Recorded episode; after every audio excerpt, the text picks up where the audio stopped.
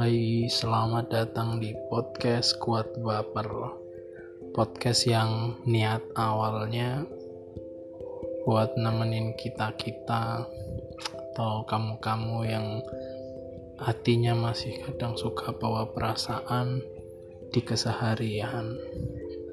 Nggak asal ngomong doang sih, tapi juga karena saya pernah mengalami dan mungkin sedang dan akan mengalami soal bawa-bawa perasaan ke masa depan juga.